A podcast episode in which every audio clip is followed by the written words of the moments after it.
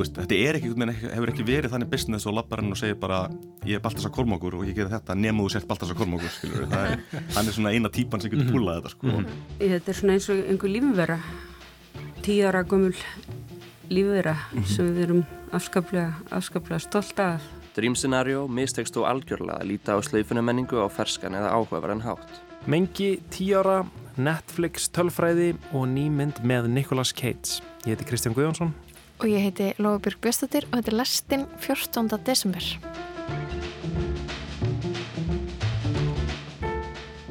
Við ætlum að byrja á afmælisbarni dagsins.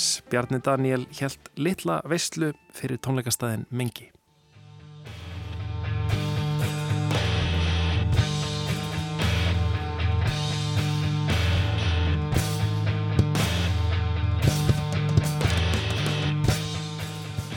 Tónleikastæðarinn Mengi við Óðinskötu hefur eh, nú undanfærin áratug verið eh, ja, mikilvæg hluti af tónleikarlífi Reykjavíkur og lagt uh, sérstaklega áslá búið til rými fyrir nýstórlega og tilrunakenda tónlist. Og Mengi fagnar nú um þessar myndir tí ára starfsammali og verður á því tilurni blási til ammælisvislu á morgun förstu daginn 15. desember Ólef Arnalds og Skúli Sverrisson eru kominninga í lestina til að ræða afmælisbarnið Mengi og segja okkur frá hátíðahaldunum annan kvöld. Velkomin Takk fyrir. Takk. og til það mikið með amarið Takk fyrir.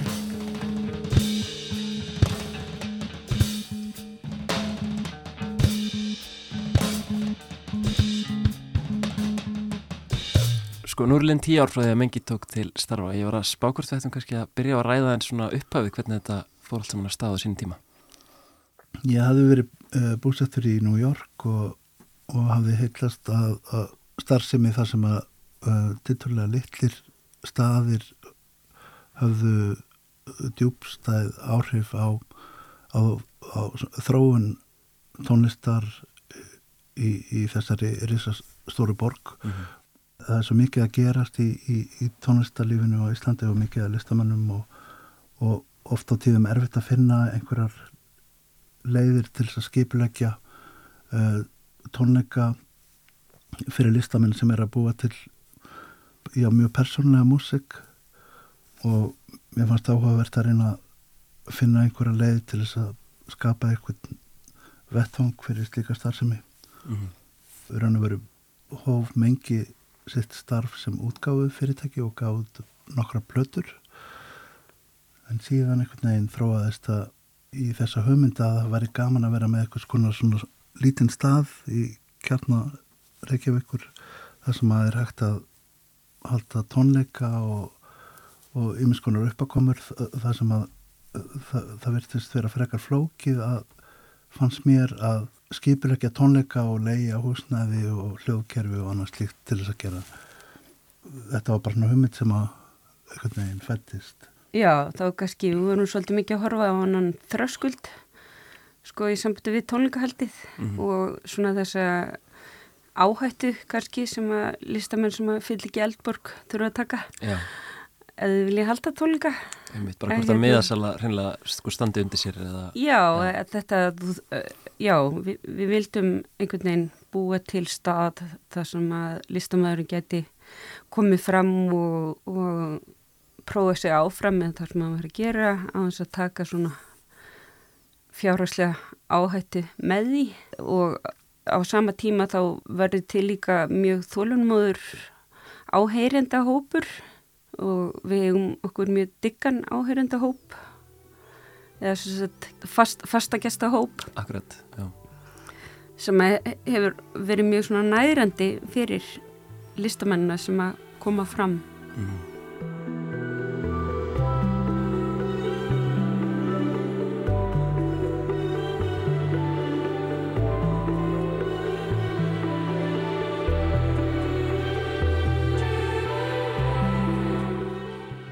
Hvernig finnst ykkur hafa gengið að halda í markmiðin sem var lagt upp með í, byrjun þegar þið fóru á stað með mengi? Ég raun að veru svona starf sem er svo mengi að hún einhvern veginn hún uh, það, það eru ákveðnar hugmyndur um það sem við vildum gera en síðan tekur uh, það sem að gerist inn á staðnum við og, og, og staðurinn bara öðlast sitt eigi líf í gegnum það sem að gerist inn á staðnum og sem er það sem er mjög spennandi við slíka starfsemi þannig að ég já, mér hefur alltaf fundist að vera mjög áhugavert að fylgjast með því hva, hvað gerist þegar þú opnar einhvern ramma fyrir með opnum hug að hleypa fólki inn til þess að gera það sem það vil gera og síðan bara fylgistu með því hvað gerist og þannig að ég myndi segja að það það hefur verið mjög spennandi ferdi. Já, bara fylgjast með því, þetta er svona eins og einhver lífverða, tíu ára gömul lífverða mm -hmm. sem við erum afskaplega, afskaplega stolt af og einmitt það var, það var aldrei eitthvað manifesto eða það var aldrei, við lögum aldrei upp með neitt neinar svona einhverjar fast skorðaðar hugmyndir Einmitt. Þannig að það sem að kannski við þekkjum engi sem í dag hefur kannski orðið til á svolítið lífrannan hátt bara mm. í, eða hvað? Já, ég myndi segja Já. það. Já, bara eins og menning hefðar sér ef hún er ekki uh, það, það er nöðsynlegt að vera kannski með einhverjar hugmyndur um, uh, um einhverja stefnu en síðan er mjög gott að bara leifa hlutunum að gerast mm -hmm. og þegar við ákveðum að opna mingi að, að þá vorum við með opnunar partí það sem, að, það sem að mjög margir mættu og við höfum búið til daskra fyrir fyrsta mánuðin og það var mjög mikilvægt fyrir okkur að stilla upp steipa að vera fyrsta hljómsettin til að spila í mengi. Okkur fannst það svona að sitta á hvern tón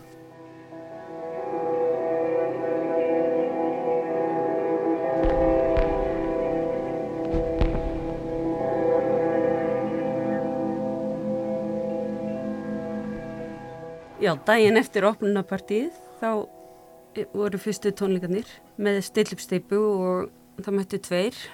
Ok, það var svo leis Já, það var svo leis en við dóðum ekki ráðulegs og bara fórum að stað bara á hlupum á nærstata bari og kaffehús og sóttum fólk til þess að koma og hlusta. Ok, og hvernig var fólk að taki það?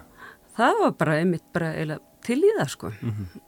Við erum svo samfærandi hérna já, það er mjög magnað að hugsa um það að þetta veri svona og þetta er eiginlega allt búið að vera þannig. Þetta er svona, þetta er hægur prósess, það tekur tíma að byggja upp tröst með þeirra sem koma og hlusta. Og en mér, mér finnst það að hafa hefnast alveg ótrúlega vel vegna þess að sko okkar fast, fasti áheyrenda hópur þó að við sem alltaf að fá fólk nýtt fólk í húsi líka þá erum við með svona ákveðin kjarnafólki sem mætir og að því að það bara treystir í að þetta er vönduð dagskrá mm -hmm. og, og það hefur komið mörgum svona ungum listamannum mjög vel vegna þess að þeir kannski er ekki að trekja eða laða að fólk en þegar þið koma fram í mingi þá, þá kemur þessi hópur, hlustar og allt í hennu verður til eitthvað samengi fyrir, fyrir þessa ungu upprennandi listamenn að tjá sína list og þróana áfram.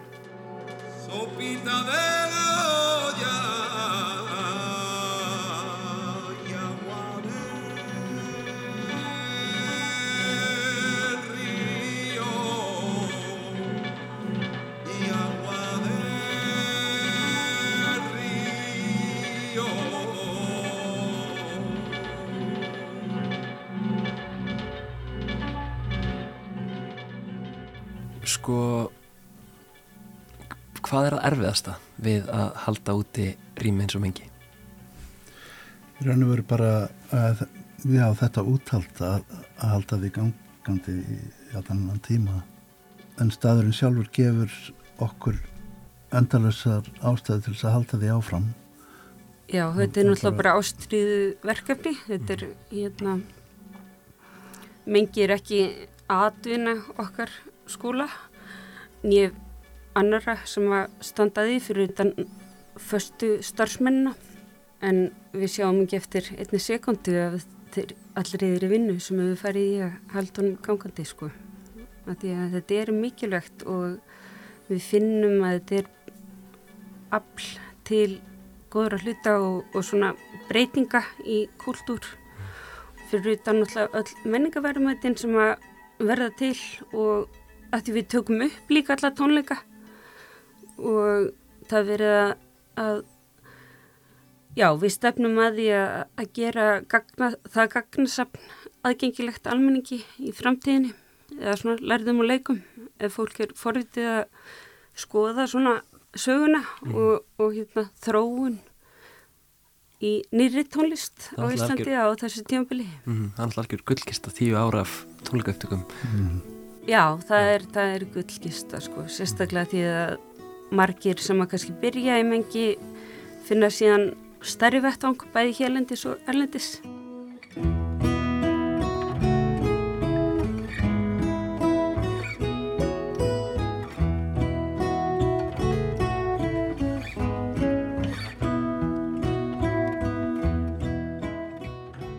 Á, á þessum svona hérna, jákvæðanótum mm. uh, það langar mig að, að spyrja næst.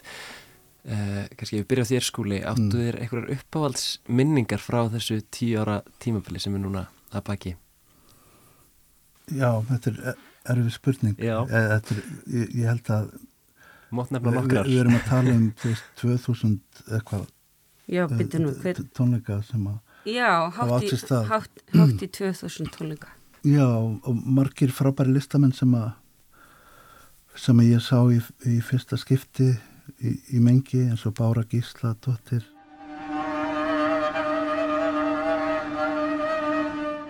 og síðan hafa margir mjög skemmtilegi gestir frá útlöndum komið í mengi eins og Lee Konitz.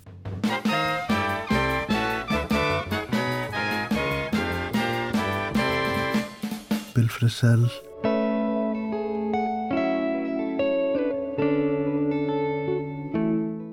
Artur Lindsay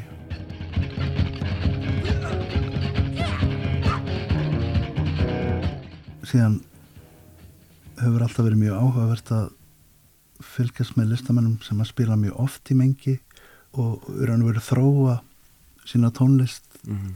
þar Ná að nýta þennan vettvang eitthvað til þess að til þess að vaksa í starfi Já, Já. ég man eftir steinunni eldflög þegar hún var að byrja það var mjög gaman að hlusta á hana DJ Flugul og Gameskip Já, Já.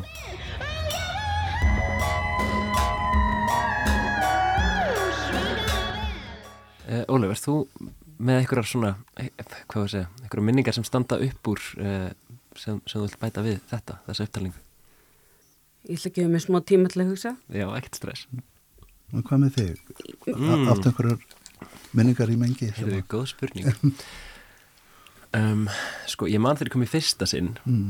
það var á tónleika með hljómsveitinni Stafrænt Hákon held ég Já. það var æði sko, mjög hérna mjög mótandi reynsla, getur við sagt mm -hmm.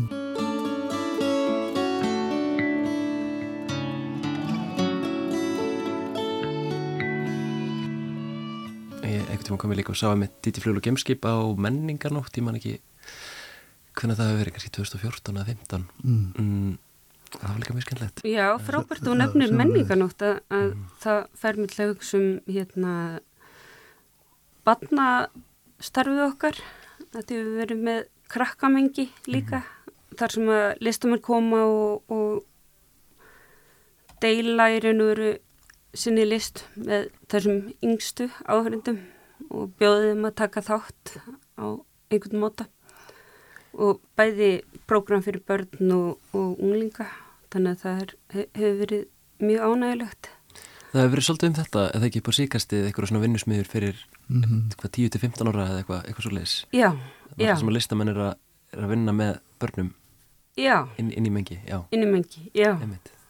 og það hefur verið mjög ánægilegt að því að þá er maður raun og veru að, þá fyrir mengi einhvern veginn að já, þá fer maður að geta hort svolítið næstíðin í framtíðina sko, að, að krakkar fara að venja komur sínar í mengi og kynast stanum og opna hugsin fyrir einhverju nýju. Mm -hmm, gera skrítin hljóð kannski. Mm. Já. um, ok, sko talandum skrítin hljóð og, og, og, og læti, hérna, tölum við þessum dagskrána á morgun. Uh, það eru tíu listamenn sem koma fram þar, ekki satt, uh, hvað svo leiðis Jú, tíu, uh, jú, tíu atriði í raun og veru. Þetta eru 11 listamenn en, en atriðin eru tíu. Hverju með að gæsti búast við? Já, ég held að fjölbreytileikin sé náttúrulega í forgrunni en við lítum ekki svo á að þetta sé neins konar þversnið af, af því sem að er að gerast í mengi heldur var þetta bara hópur af fólki sem okkur þykir, þykir væntum og, og hópur af fólki sem tengi staðnum og hefur komið fram oft. Eitt sem er mjög áhugavert við mengi að þeir sem að koma fram í mengi eru líka oft á tíðum út í sala hlusta á aðra. Mm -hmm. þannig að þetta eru svona kannski einhver já, hópur sem að kannski gefur einhverja mynd af því. En, en það sem að við ákvaðum að gera þegar við stopnum mengi fyrir tíu árum að það var fyrsta verki sem var spilað í mengi var eina landskeip eftir John Cage sem var spilað af Katie Buckley. Þannig að hún ætlar að koma fram aftur og vil spila það verk aftur, hver veit. Og Ásta Fanney Siguradóttir og John McCoven Una Sveinbjarnar og Eirikur Óri Ólafsson Kristín Anna og Jófríður Ágadóttir og Arljóttur og Örlugur Arnalds og, og, og örglega fleiri en þetta er listi af, af, af þeim sem eru svona á dasgráni En þetta verður svona bara á, á léttinótunum og, og bara ammælis fögnuður og og svo bara svona stutt atrið inn á milli. En þetta er aðalega bara hugsað til að fólk getur bara komið saman og og, og fagnað með okkur. Já, fagnað með okkur. Þeim mitt fyrst og fremst bara svolítið ammælisparti kannski. Já, já. Þetta er svona mér, þetta er ekki tónleikar. Þeim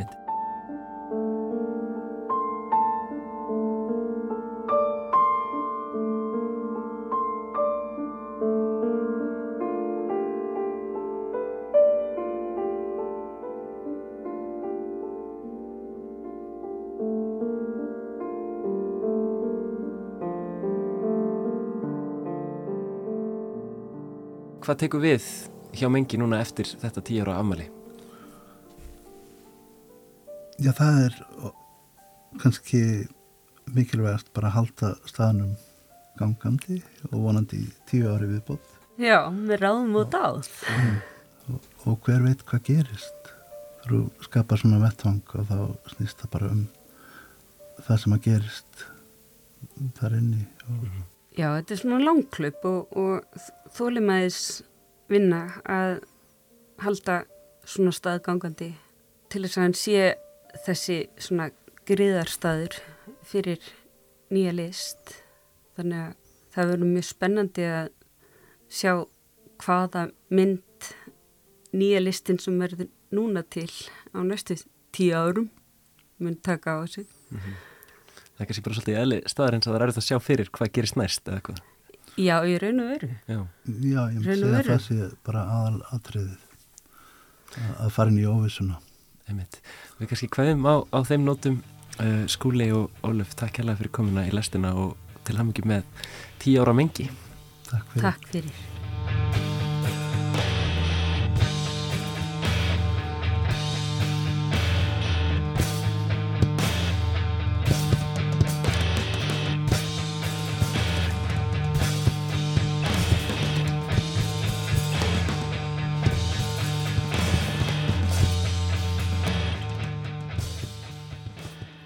Bjarni Daniel rétti við þau Ólifu Arnalds og Skúla Sverrisson en mengi fagnar tíu ára ammali þetta árið. En næst er það Kolben Rastrygg sem að teku við. Have you been dreaming about me? Have I been dreaming about you? Yeah. There's like a hundred messages. Somebody wants to interview me. This is strange. Maybe you should take a minute and think before you do anything drastic. Why me? Uh, I don't know. I'm special, I guess. Dream Scenario eða Drauma aðstæður er þriðja og nýjasta mynd norska leikstjórans Kristoffers Borgli í fullri lengd. Kvikmyndir Borglis hafa vakið aðtikli á kvikmyndaháttíðum Erlendis og var stuttmynd hans Former Cult Member Hears Music for the First Time eða fyrrum meðlimur sértrúarsöfnaðar heyrir tónlist í fyrsta skipti til dæmis sínd á henni virtu söndansháttíð árið 2020. Síðasta mynd hans, Sug Pykje eða Sjúk Stelpa var svo frumsýnd á kvikmyndaháttíðinni Cannes í fyrra. Báðar þessar myndir skoða og gaggrina hvernig við komum fram við og lítum á hvort annað í samengi fræðarinnar og verðist áhuga svið Borglís liggja í þessum pælingum. Það kemur því ekki óvart að Dream Scenario syngi sama stef og fyrri verk hans en hún fjallar um fræðina og áhrif hennar, þau jákvæðu, jamt og þau neikvæðu. Dream Scenario skartar Nicolas Cage og Julianne Nicholson í aðalhauturkum sem hjónin Paul og Janet Matthews. Paul er taugaveiklaður meðaljón, lífræðikennari við mentaskóla sem dreymur um að skrifa bók. Daginn kemst hann að því að hann byrtist í draumum fólks út um allan heim. Fólk sem hefur aldrei hitt hann í að þekki til hans dreymir hann allar nætur. Í draumunum er hann oftast aðeins áhárandi sem fylgist aðgera laus með óförum dreymendana. Þetta óutskýranlega fyrirbæri verður til þess að Pál hefur skotið upp á stjórnuheiminin en það hefur hann lengi þráð. Ekki líður þó á lungu að um skuggaliðar fræðurinnar farað kom í ljós og ekki batnar ástandið þegar tvífari Páls í draumheimi fyrir að beita dreymendur ofbeldi. Viðhorf fólks til Páls breytist úr áhuga og aðdán í hatur og fyrirlitningu sögum þess sem hann gerir í draumheimi. Að samaskapi fyrir breytt almenningsálit að hafa bein áhrif á líf Páls og hann kemst að því að heimsfræðir kannski ekki sá dansa á rósum sem hann bjóst við á hann væri. Myndin fylgir hennu klassíska söguformi ris og fall söguhetjunar og það eru nokkuð skýr skil innan sögunar hvað var þar fyrri og setni hluta frásagnarinnar. Fyrri hlutin sem snýst um rýsandi fræðar Sól Páls er mun finnari en setni hlutin. Þar fara Nicolas Cage góð tækifæri til að láta ljósett skína þegar miðpunturinn er undarlegheit og ráðgátan um hversuna ímynd Pauls Matthews byrtist fólki í draumum. Nicolas Cage er þekktastur fyrir íktan leikstíl sinn og virkar hann mjög vel í komísku samingi fyrsta hlutans. Persona Pauls byrtist árundum fyrst og fremst sem hinn klassíski veikjaði að maður. Hann er viðkvæmur fyrir móðgunum, hefur ekkert frumkvæði og hann tók upp eftirnapt konu sinnar sem undirstrykar valdastöðu hans og mynda undirgefni innan sambandsins. Það er þrástef í kvikmyndum sem skrifaðar eru af karlum sem vilja sína áörundum hversu miklar undirlægur karlkinn söguheitunar eru. Samband þeirra við eiginkonu sínar eða mæður þar sem þeir standa skörin í læra í valdastegunum er notað til þess að hæðast að þeim og lítilækka þá. Undir lokin á fyrirlutanum er atriði þar sem að Pál er gefið tækifæri til að endurheinta karlmennsku sína með ungri konu.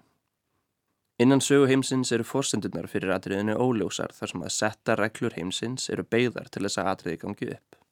Verður því augljóst að tilgangur þess er að búa til myndræna karlaga fantasíu auk þess að sína hvernig Paul er ófærum að standa sig sem karlmaður.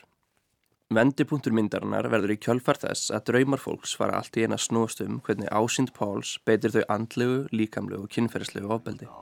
We're not even the type of people that like attention, you know? Do you think other people are seeing you naked? Maybe thousands. Mm. I hope I'm behaving through your dreams. Oh, no, you're not. So I'm finally cool, huh? I didn't say that. You hear that, Janet? She's saying I'm a cool dad. Pál upplöðir enn og aftur yfirþyrmandi valdalesi þar sem hann missir stjórn á hvernig almenningur sér hann. Setni hluti drýmscenarjó er augljóslega satýra og gaggríni á slaufunarmenningu. Þetta var í sjálfu sér ekkert endilega slæmhugmynd þótt efni sig gríðala umdeilt og eldfimt. Nýlega hafði til dæmis myndir eins og Tár í leikstjórn Todd's Field og Sparta í leikstjórn Ulriks Sædl fjallað um slaufun. Það eru um söguhetjur sem eru langt frá því að vera hetjur og hvernig við sem samfélag tæklum það. Dream Scenario mistekst þó algjörlega að líta á slaufunamenningu á ferskan eða áhugaverðan hátt. Myndin reynir að sína alla mögulega vinkla og í stað þess að ná að þróa áfram áhugaverðar pælingar í gegnum myndina skýtur hún sig oft og mörgum sinnum í fótinn. Hún verðist í fyrstu verið að taka fyrir almenningsálit og fræð. Fyrstu luti myndarinnar tæklar þetta ágætlega þrátt fyrir að útfærslan á því sé nokkuð klunnaleg. Fræðin er áhugaverð vegna þess að þú hefur ekkert valdi því hvert álit almennings er á þér. Myndin lendir svo í ógöngum þegar hún skiptir yfir í umræðanum ofbeldi. Þar er umræðan strax orðin allt önnur þar sem að gjörðir hafa bein áhrif á aðra. Í tilfelli drýmscenarju var fantasíu kveikmyndagreinin og hugmyndin um ofbeldi innan drauma því algjörlega vanhugsuð aðferð til þess að fjalla um það. Önnur hugmynd sem myndin snertir á er að vera hafður fyrir rángri sög. Í aktenni leikstur Tómas Vinterberg frá árunni 2012 fjallaði á raunsegan hátt um áhrif þess að vera allt í einu hataður af öllum sem þekkja þig. Sterstur hluti drýmscenarju fjallar um hvernig líf Páls eigðilegst og fjölskylda hans sundrast vegna áliti almenningsáunum, líkt og í jakten. Enn og aftur missir myndin þó þráðin vegna þess að draumafantasían vinnur gegn hugmyndum myndarinnar. Áhersla er lögð á að fólk upplifir ofbeldið sem er raunverulegt og því er erfitt að halda því til streitu að þetta snúst um að Pál sé fullkomlega saklus. Þessu umræða spilar auðvuslega inn í umræðin um réttmæti ásakana á hendur ofbeldismönnum og myndin er greinlega meðvituð um það. Paul fær bóð um að koma á samskiptum við forkólfa menningastriðsins svo kalla Tucker Carlson og Jordan Peterson en hann neytar því og segist ekki vilja taka neitt þátt í þess slags deilum. Dream Scenario finnur sig núna til að neyta því að hún sé mynd sem samræmist orðræðu þessara hópa þrátt fyrir að hann kynnti undir þá umræðu. Þriðja hugmyndin er svo sem myndi komið í veg fyrir að þessir hópar fögnuðinni. Það að Paul sé vandamálið innan sögunar. Hann gerir til dæmis flest það sem að slaufaðir einstaklingar hafa gert og verið gaggrindir fyrir. Hann byrtir óeinlaga og sjálfsmiðaða afsökunarbeðni, hann málar svo upp sem raunverulegt fórnalampa atbyrðarásarinnar og hann gaggrinir upplifanir fólks og efast um raunveruleika þeirra. Þessi framsetning nær að komast næst því að vera heilsteift en aftur er hængur á. Í fyrsta lagi er sagleysi Páls og örlög sínd á hátt sem gefur svo sterklega til kynna að áhörundur eigi að finna til með honum. Hegðun hans er alltaf sett upp sem klaufaskapur og vanhefni hans í að stjórna aðstæðanum frekar en að hann hafi raunverulega gert einhverjum eitthvað. Í öðru lagi er fólkið sem snýst gegn honum sett fram á svo fáranlega innfældningslegan hátt að það er nær ómögulegt að trúa því að myndin hafi einhverja samúð með þeim. Hinn óði skrýll æsifrættablaða raungerist í söguheiminum og fólk veitist líkamlega að Pál skemmir eigur hans og lætur eins og hans í skrimsli. Ábyrrandi í flokki anstæðinga hans eru svo auðvitað konur og sérstaklega ungar konur með nefringi. Verður því erfitt að ganga út frá því að myndin ætli sér eitthvað annað en að myndskreita frásagnir slaufaðara karla af myndum nortnaveðum á sér. Þetta eru þrjára þeim megin hugmyndum sem Dream Scenario verðist vilja tækla. Þó er ekki þar með sagt að eitt og annað skjóti ekki lík upp kollinum því í myndinni byrtist allt frá læfisi auglýsingabransans til sambúar erfiðleika hjóna. Til dæmis eru nokkur aðrið myndarinnar gaggrinni á hvernig kapitalismin gerir alla þætti mannlegar tilveru að söluveru. Tengsl þessarar hlýðarfrásagnar við megin frásagnina týnist þó þegar líður á myndina. Þegar hún byrtist aftur undir lokin stingur hún í stúf og lítur út þessu lélegur grínskets sem tróðu var inn í myndina á síðustu stundu. Myndin slengir fram hverri nýri hugmyndinni á fætur annari án þess að þróa neina af þeim áfram og verðast þar sömar jável fara gegn hver annari. Hugmyndinar hafa auk þess margar hverjar verið tæklaðar áður og betur í öðrum myndum. Finni fyrir hlutans víkur þar á leðandi í setni hlutunum til þess að gera pláss fyrir allar þessar gaggrínu hugmyndir og missir myndin því helsta styrkleika sinn sem er absurdismin ala Nicolas Cage. Í staðin verði streamscenario allar sér að gaggrína allt, hvort sem það er slaufun, hjarðhæðun, fórnalöfum bábeldis, tækniframfarir, gerendur, menningastríð, úlingar eða fræðin. Þetta verður þó einingist til þess að myndin týnist í því að gaggrína allt og setur upp í brottlaus og innihaldslítil. Dream Scenario líkist að þessu leiti mannunum sem klappa sér á bakið fyrir að vera svo klár og yfir allt hafinn. Í hans augum eru allar skoðanir og hlýðar umræðunar gaggrinnisverðar. Kvikmyndin, líkt og maðurinn sem gaggrinir allt, endar þó á því að standa ekki með neinu.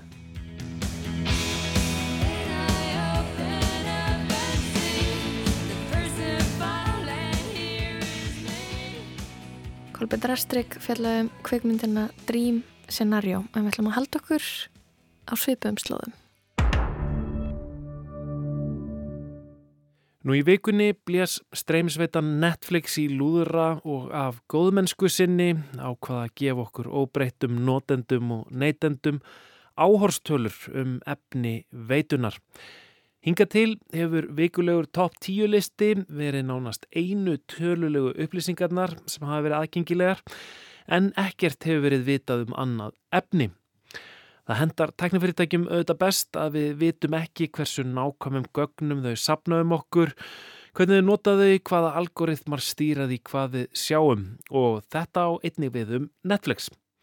En frá með þessari viku ætlað er að gefa reglulega út tölur um það hversu margar klukkustundir við horfum á tiltegna þætti og bíómyndir veitunar á hverjum árs helmingi. Þetta eru ekki tölur um alla þætti og allar myndir á veitunni, bara um þá 18.000 titla sem eru með mest áhorf. Það er sem var hort á í lengur en 50.000 klukkustundir frá janúar til júni 2023. Og já, fyrstu tölunar eru komnar í hús, það var þetta sem að heimurinn horfi á á fyrirluta árs. Sjónastættir, nummer 5 með 503 miljón klukkustundir í áhorf Queen Charlotte að Bridgerton Story There are worse fates than marrying the king of England Númer fjögur 508 miljón klukkustundir í fyrsta þáttaröð af Wednesday Are you feeling okay? You look a little Pale. Please excuse Wednesday. She's allergic to color. Oh, wow, Númið þrjú, 623 miljón klukkustundir. Fyrsta seria af kórisku þáttunum The Glory.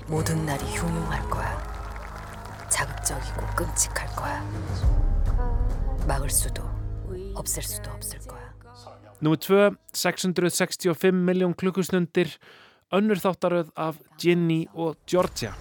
Jenny, your mom is a dangerous person. I know you think she wouldn't hurt you or your brother. Og númer eitt, 812 miljón klukkustundir, The Night Agent. Have you ever heard of Night Action? It's a top secret investigative program within the FBI. So you want me to be a night agent? God, no. I want you to answer the phone for them. Til þess að ræðum þessi mál við okkur um Netflix og tölur er komin um borð í lestina Hrafn Jónsson, kvikmundagerðamæður.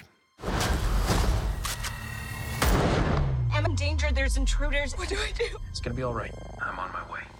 Sko ég rúlaði hans yfir þetta. Það sem er kannski merkilegt fannst mér við þetta er að hvernig þessi gögn eru sett fram. Þetta er skilað út bara í rauninni bara einhverju risastóru Excel-skjali sem eru bara þúsundra línum bara með svona hráum mínútutölum og þú veist, þú myndir kannski líta á þetta og segja, vá, þetta er frábært, þetta er rosalega nákvæm gögn en svona í raunin segja þessi gögn er eiginlega ekki neitt, sko jú, þau gefa þau náttúrulega svona stóra mynd af þú veist, ok, vá, það er bara að horfa hérna á einhverja einhverja hundruði miljóna mínútna af þetta efni, en það segir ekki hversu mikið af þessum mínútum er bara rosalega mikið af fólki að horfa í tíu mínútur og slökka svo á þessu eða hversu mikið af fólki til dæmis er að horfa á sömu þættina aftur og aftur og aftur, bara að sopna út frá þessu, sko, mm.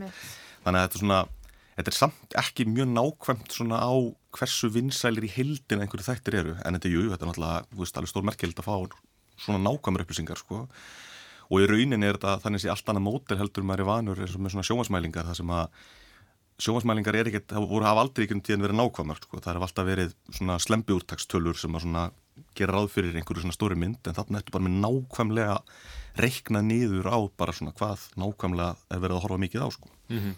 Hinga til hafa streymisveitur uh, kannski bara eins og öll tæknifyrirtæki haldið öllum svona tölum mjög mikið að sér og bara í rauninni gefið mjög lítið út um þar, er það ekki? Jú, og í rauninni hafa það ekki neitt svona, það hefur ekki verið neitt sérstakur kvati uh, fyrir þau til þess að gefa út þessa tölur þú náttúrulega vilja einhver leiti segja þú veist ok, eins og ég mann þegar Squid Game kom þá að tala um þetta bara stærsta sjómaserja í sögumannkins og þá montuðu sér einhverju mínúti fjölda og eitthvað þannig sko en það er ekkert gagsa í því með bara hversu lengi, hversu marga þættu að fólk að horfa og kláraði alla seríun og allt það en það er engin kvati að því að eini kvatin hjá streymisveitunum er sko serían sjálf skiptir ykkur máli. Það er aðalega bara að segja fólki hei við erum hérna með rosa mikið stóru efni við erum að halda þessum áskrifenda eða fá þessum áskrifenda og meðan að það var alltaf kvati í gamla daga með svona línulega sjónvarpið að byrta tölurnar að þetta gekk allt út á að selja auðlýsingarslott, þú ert að segja þú ert ekki að segja rauninni áhörfandunum hvað er vinsalt þú ert að segja auðlýsingarnum hvað, í hvaða slott þú ert að vera að kaupa auðlýsingarnar á þessum tíma, bara herðu,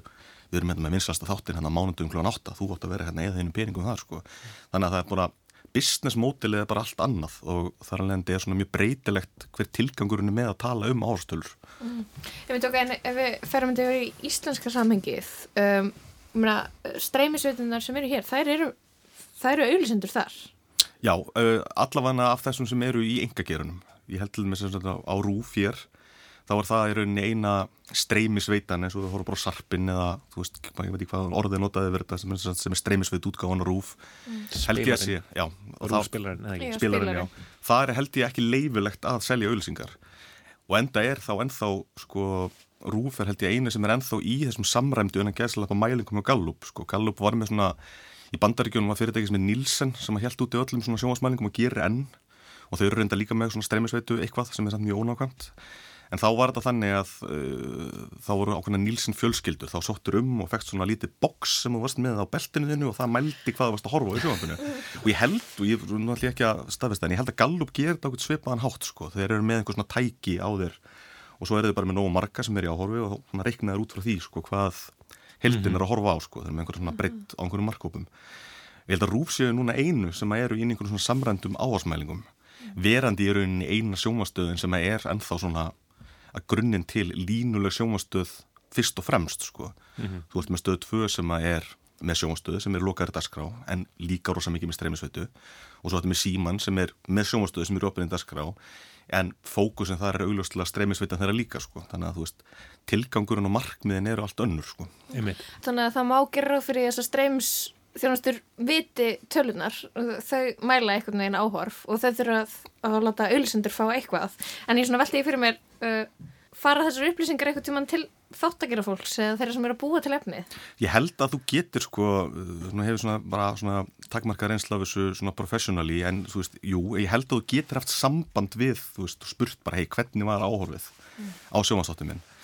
Og en það kemur eða aftur að því sko samanskapi eins og business modelið í bandaríkjónum snýst ekki um hvern og eitt þátt heldur snýst um stóra modelið áhorfið á hvern og eitt þátt sko út frá streymisveitunni sjálfri virðist ekki vera tilgangurinn lengur, veist, það er ekki stóra markmiðið eða x markir horfi á hvert þátt, þó að það skiptu þetta máli líka, þau eru miklu meira að hugsa um hversu marga áskrifundu getur við haldið í per mánuð, sko, því að þú ert ekki að selja eitt þátt, þú ert bara að selja aðgengi, aðgengi að rosalega mörgum mhm. þáttum. Mm -hmm. Og það sem flækir í rauninni viðskiptumódelu í Íslandi ennþá meira er að stóru fjölmiðlarnir sem eru ekki rúf eru báðir í eigu fjarskiptufyrirtæki þannig að þú veist, þú ert með síman, ég hef síman og svo ertu með eh, stöðtvöðu sem er yfir Votafón eða partur af þeirri samstefnu og þá er þetta líka ennþá starra þar sem þetta, ekki, þetta snýst ekki einu svona bara um að selja aðgengi að sjómastöðun eða sjómasásun heldur líka fjarskipta áskriftir og svona stærri, stærri mynd af öllu saman. Og þetta flækir þetta algjörlega fyrir mm. líka fyrir þeir sem eru að framlega sjómasefni og selja sjómasefni en að móti kemur þá ertu líka með aðeins floknara viðskiptamótil og Íslandi hvað var að sjómastöðu gera það sem að mikið af þessu stór partur af þessu fyrir þetta ekki ennum sjómastöðuna, það er að kaupa aðeir þætti og ákveðna upphæð eða, eða ábyggjast framlegslu upp að einhver ákveðna upphæð uh, en svo áttu móti náttúrulega líka með mikið óbyrgurum fyrir og móti sko, þannig að þetta er þetta er rosa mikið eitthvað svona -hmm. pústuspill líka sko. Einmitt. Hérna en, en sko það að þessar upplýsingar uh, eins og frá Netflix hafi hingað til og, og í rauninni að miklu leiti núna ennþá sko séu ekki aðgengilegar um, sko býr það ekki til ákveðna svona ákveði svona ójapvægi eins og þegar það verið að semja um einhverja greiðslur eða eitthvað svoleiðis til til dæmis þeirra sem framleiða þætti eða, eða, eða bíómyndir, maður er alltaf að heyrta því sko að fólk einhvern veginn fara og semja við Netflix og, um, það veit ekkert hvort að það voru tíu manns eða sko tvær miljónir eða hundra miljónir sem horfða á síðastu mynd sem þau gerði eða, sko. Þetta er bara mjög stórt atrið og þetta var náttúrulega í síðastu verkfallshrinu bæði á handirsögundum og leikurum í Hollywood og þetta var bara reystur partur af samningapakkanum að berjast fyrir því að fá sem sagt uh, hlutfarslega greiðslur af áhorfi. Hvað heitir það eftir? Það er eitthvað hugtak yfir þetta? Á ennsku heitir það residuals. Já, residuals sem greiðslur. er það bara árlega greiðslur sem þú farið per áhorf, mm. þú veist það er einhver svona pakki og það er upp að einhverjum tölum, þetta er eitthvað óaflókið. Mm.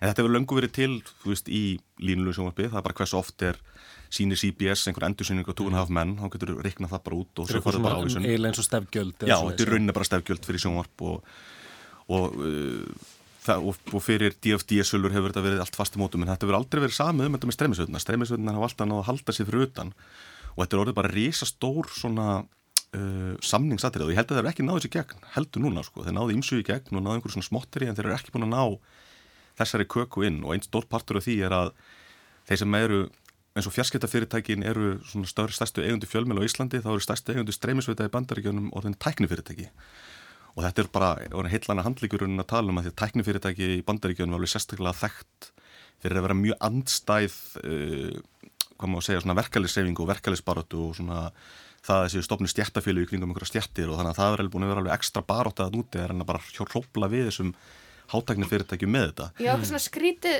samlíf sko skapandi geirans og svo bara tæknifólks já. Já. og að samningstaðan verður alltaf svo veik mörgu leiti hjá þeir sem er að búa til efni að því að þessi fjarskiptafyrirtæki eru, sko þessi tæknifyrirtæki er náttúrulega svo risavaksin og þetta er bara svo lítill partur af fyrirtækinu þeirra, þau geta bara staðið og beðið endalöst sko. Þannig að jú, þetta er alveg svona og það er alltaf náttúrulega bara ákveðin svona reyfing eða trend í heiminum sem að er að minga vægi skapandi greina inn í þessum business öllum. Þetta verður með því sem að aðgengið efni verður meira sem er jákvægt í fleiri sériu sem eru eins og maður tekur eftir, það er bara fleiri og fleiri og meira og meira á efni og fleiri streymisveitur uh, því minna verðast þessi fyrirtæki vera tilbúin að borga fyrir flest af þessu, sumt af þessu stóra náttúrulega eitt af því fræga í svona Netflix-módelinu eru þeir hafa gert svona risa úber samninga við svona ákveðna sjónastramlendur eins og típun eins og Shonda Rhimes sem hefur gert sko mörg hundru miljón dólar samninga við Netflix og uh, mm. menninni sem að framöndu Game of Thrones uh, uh, D.B. Weiss og ég man ekki hvað henni heitir þeir, allavega, þeir fóru úr HBO og gerði eitthvað 200-300 miljón dólar samning við Netflix, bara, bara 100 miljónir fyrir það bara búa til eitthvað efni og það er ekki svona ákveða hvað það er mm. en á samanskapið þá eru veist, hundruður af einhvern sérium sem eru gerða bara fyrir eitthvað klink mm -hmm. sem eru settar hann inn og þetta næstuði bara orðið eins og svona Spotify mótilið að þú veist og það er svona að vera að segja þú bara heppin að fá að komast inn inn sko Já Einmitt, hérna, maður hefur heilt að, að, að, að sko, greiðslunar sem að kvimdagjara menn er að fá fyrir, fyrir efni sitt að sé jafnvel bara þess eðlis að, hérna, einmitt, þetta sé nánast bara svona frí, hérna, þessi að gefa vinnuna sína til þess að fá, fá kynningu. Mm -hmm. Algjörlega. Þannig að þetta er sko þannig að líka á Íslandi að þú ætlar að fara til streymisveitu eða, já, og gera eitthvað samning að þú ert ekki meðnitt í höndunum svona staðfest sem sínir að, að, að dótið þetta er vinsælt Já, ég held að það sé alveg rétt og ég, sko, það er, og það er náttúrulega kannski svolítið smá skrítið á Íslandi að við erum ekkert rosa mikið í svona season 2 og season 3 nema af einhverjum svona ákveðinu sjónastáttum við gerum rosalega mikið af efni eina, tvær serjur kannski.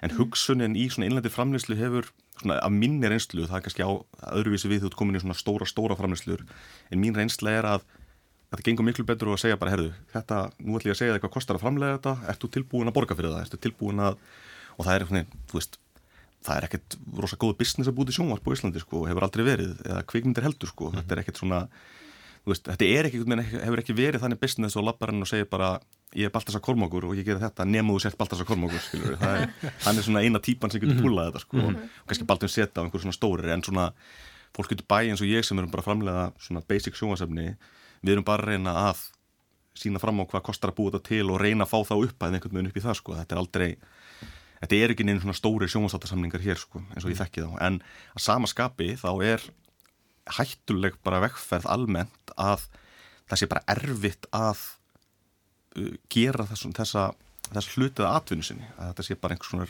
först vinna, þú veist, margir eða ekki flestir í kveipmundigerð gera alls konar hluti. Jafnvel þú veist leikstjóri, þú veist líka einhvern veginn þú veist að vera, þarf að vera að gera auðlýsingar og þarf að vera að gera þetta og hitt og klippa fyrir einhvern annan og gera ímislegt sko. Þetta er, þetta er ekki mjög svona stabilt vinnu umhverfi sko, mm -hmm. það hefur aldrei verið. Einmitt, og streymisveinar eru ekki að gera það auðveldara. Nei, en það eru svona plúsa við streymisveinar bæðið á Íslandi og Erlendis. Sko, mín tilfinning er svo að til og með svo Íslandi er orðin miklu meiri framlegsla á sem að segja svona uh, ódýrara sjónvarsefni það er miklu meiri tólerans fyrir því að framlega bara alls konar sjónvarsefni sem ættir að gera á svona temmilega lítinn pening og ert að koma með vettfonga inn í allar þessar streymisuttur það er ekki, ekki endalist hugsa bara herru við þurfum að búið til sjónvarsþátt sem passar hérna klukkan sjö millir þessa þáttur og þessa þáttur og hann þarf að geta selt auðlýsinga fyrir þetta.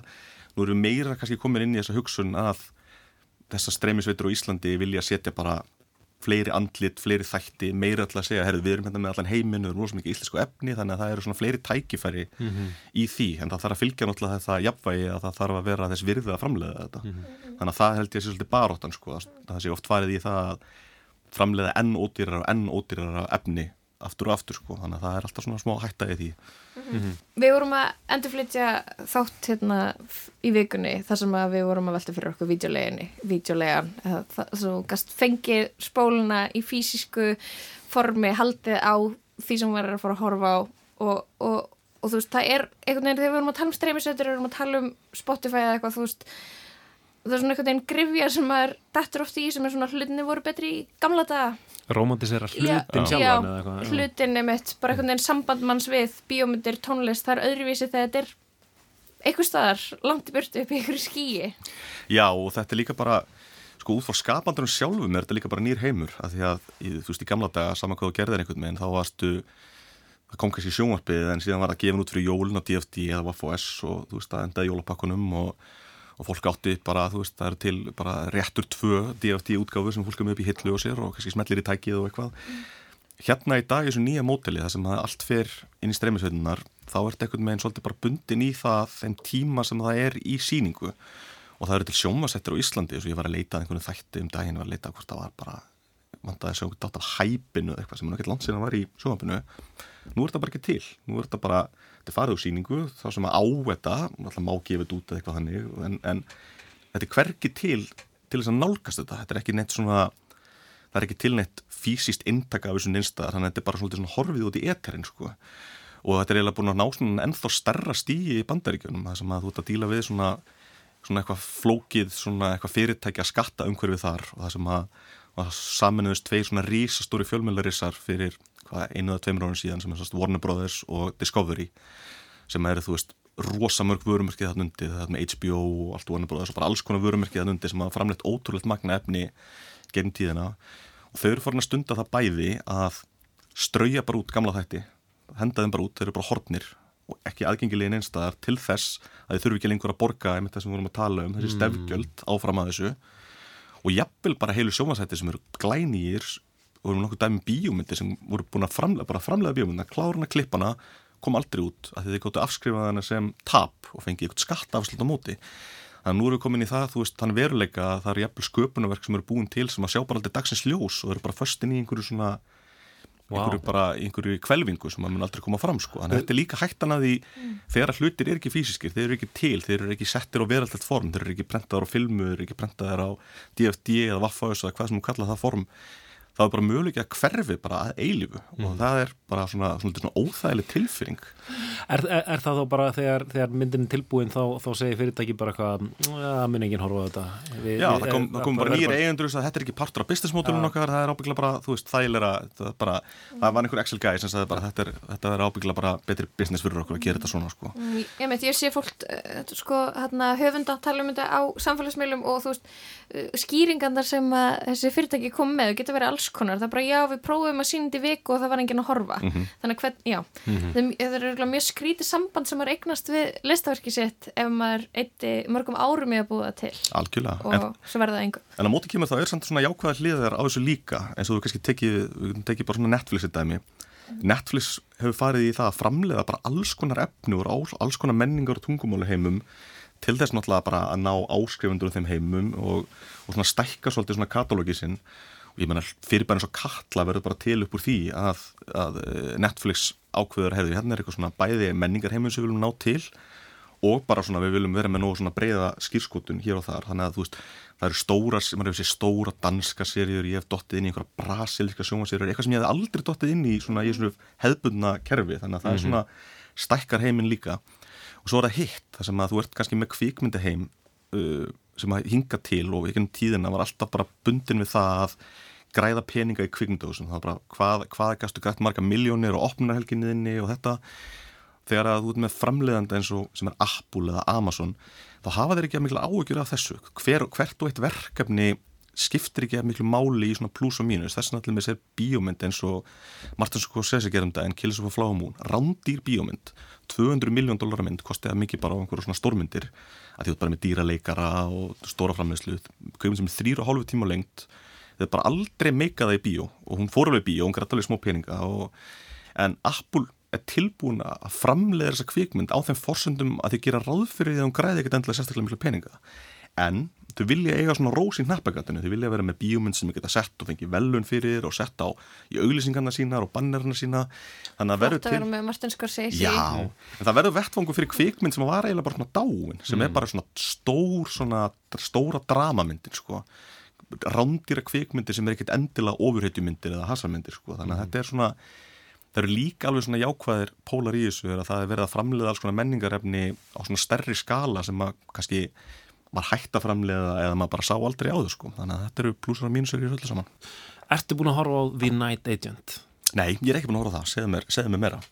Ég veit ekki meir, ég veit bara að það er búið að horfa á um, 812 miljón klukkustundir af fyrstu seri á The Night Agent. Það, það kemur ekki einu svona upp mynd í hugan á mér þegar þú segir Night Agent. Það er reyndar Ég kannast ekki einu svona við póster, skiljið mig? En það var þetta reitt áhugað sem komur sér frétt sem er þessi vingill er að á raunverulegt áhorf á hluti og það sem að streymisveitunar og auglýsindur annað vilja segja þeir þessi vinsælt er oft bara alls ekki sami hlutur. Og þetta er alltaf afhjúpað það, það er fullt af einhverjum seríumanna sem er bara svona svo ætlum ekki að vera eitthvað nýðum mikið en svona rusl sjónvarp, svona ódýrt þægilegt sjónvarp er bara vinsælast sko og þú getur alveg séð þetta á Íslandi, þú fer til með sinni sjón símans og nú ætlum ég ekki að gera lítið fólki sem horfur á þessu þætti en þú horfur bara á topp tíu listan þar inni. Þetta er allt bara einhverja svona ruslserjur bara eitthvað svona FBI og Criminal Minds, þetta er bara svona einhverju svona ódýri löggu þættir og meðan það er allt annað, þeir eru með allt HBO efnið að þinn og alltaf flotta efnið, þetta er efnið sem þú vilt að sé þarna en það þýðir sem þú getur þessi vinsalst efnið þitt.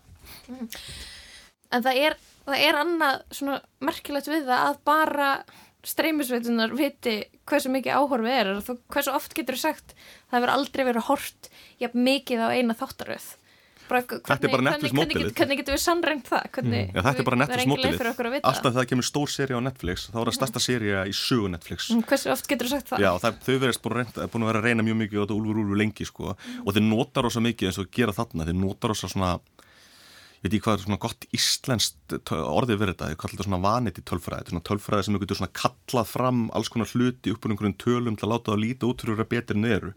Eins og þetta, þú getur talað upp einhverja mínútutölur á áhorfi á einhverja sjónvaserju en það segir, segir þér ekki hversu margi horfðu bara á fyrstu tíu mínunar og, og slöktu svo strax sko, eða horfðu bara á fyrsta þáttinn og, og síðan horfðu enginn á restin af seríun þannig að maður, þau, þau passa svo því að við, svona, við þau vilja að við vitum að þessi stemning, það er allt í gangi á Netflix en þau vilja ekki að við vitum alveg hvernig, hvernig maturinn er eldaði sko.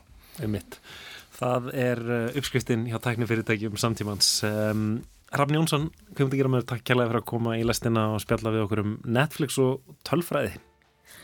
Lestin verður ekki mikið lengri í dag eða þessa vikuna við Lóa og Kristján þökkum samvildina. Tæknumæður var Lítiða Gretansdóttir. Verðið sæl.